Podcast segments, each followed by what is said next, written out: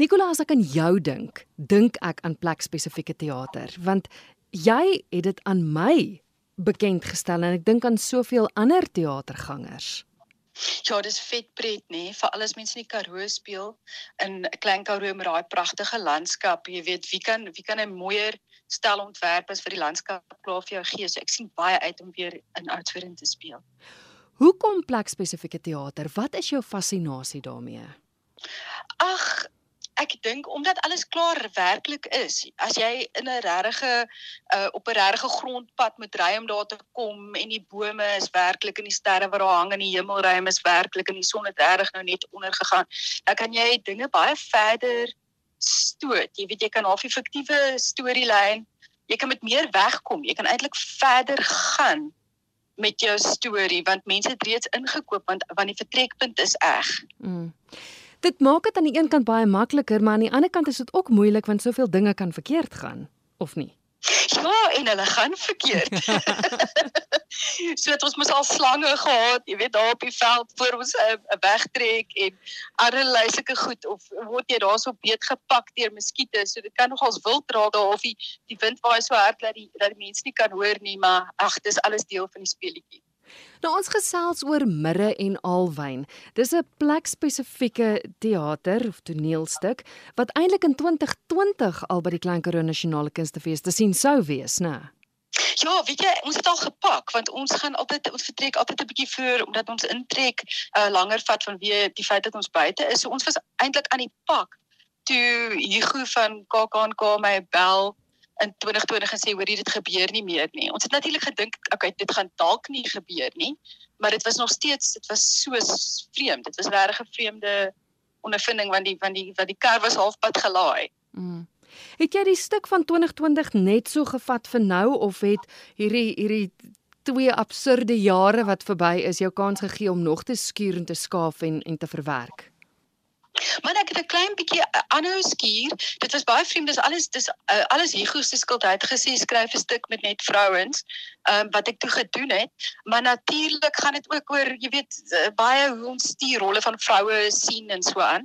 So met die hele ding in Amerika nou met uh, Roe v Wade uh, wat hy roep is, jy weet die die die wetgewing op abortus, daai al daai goed was snaaks genoeg. Daai temas was reeds in die stuk. So. So ek het 'n klein bietjie daar gaan tokkel en dan het natuurlik gaan dit ook 'n bietjie oor hoe ons vroue beskou in die wêreld en soos hierdie hele eh, storie in Iran uh na Masa Amini ehm um, jy weet vermoorde is en die uh, morele polisie so mense daarso plat trek in Iran. Jy weet dit het ook natuurlik nou baie by my gespook. So op 'n manier uh is die uitstel maar nie afstel nie eintlik uh, maak die stuk nou meer geskik Mm. Uh omdat baie van daai temas, jy weet, onderliggend is in die stuk.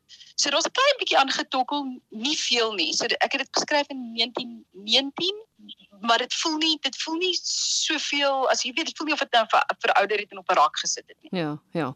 Dit word in die program beskryf as absurde teater. Sê dit presies wat dit is, absurd.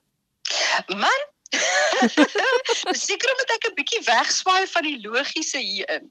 So dit voel vir my ek sê min maar ek vra baie. Mm. So ek dink wat ek wat wat ons eh, dis maar dan maar net my veiligheidsnet dat ek daai bewoording insit.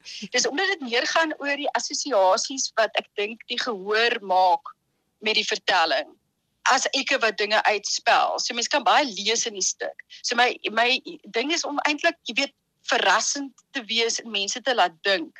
Ek wil natuurlik hê hulle moet emosioneel betrokke ook raak by die karakters, maar ek dink dit is omdat dit 'n bietjie wegswaai van die logiese.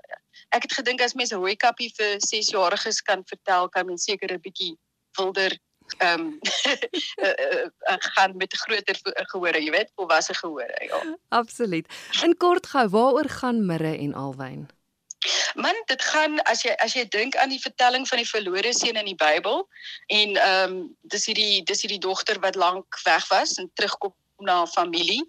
Ehm uh, maar daar ja, daar hou die die uh, die ding seker op. Sy sy sy kom nie regtig terug na haar feesmaal nie. Hmm. Jy weet haar familie ontvang haar baie anders as wat sy verwag. Ehm um, so dit gaan oor hierdie drie generasies van vroue wat verteenwoordig word deur die karakters op die verhoog en basies hierdie verlore dogter wat terugkeer ehm um, na sussie en haar ouma en haar moeder. Wie is die aktrises? O, ek het fantastiese mense. So Amalia Eys is in die hoofrol as Jessie. Dan het ek vir veterane aktrise Greta Brazil wat in baie van my stukke al gespeel het.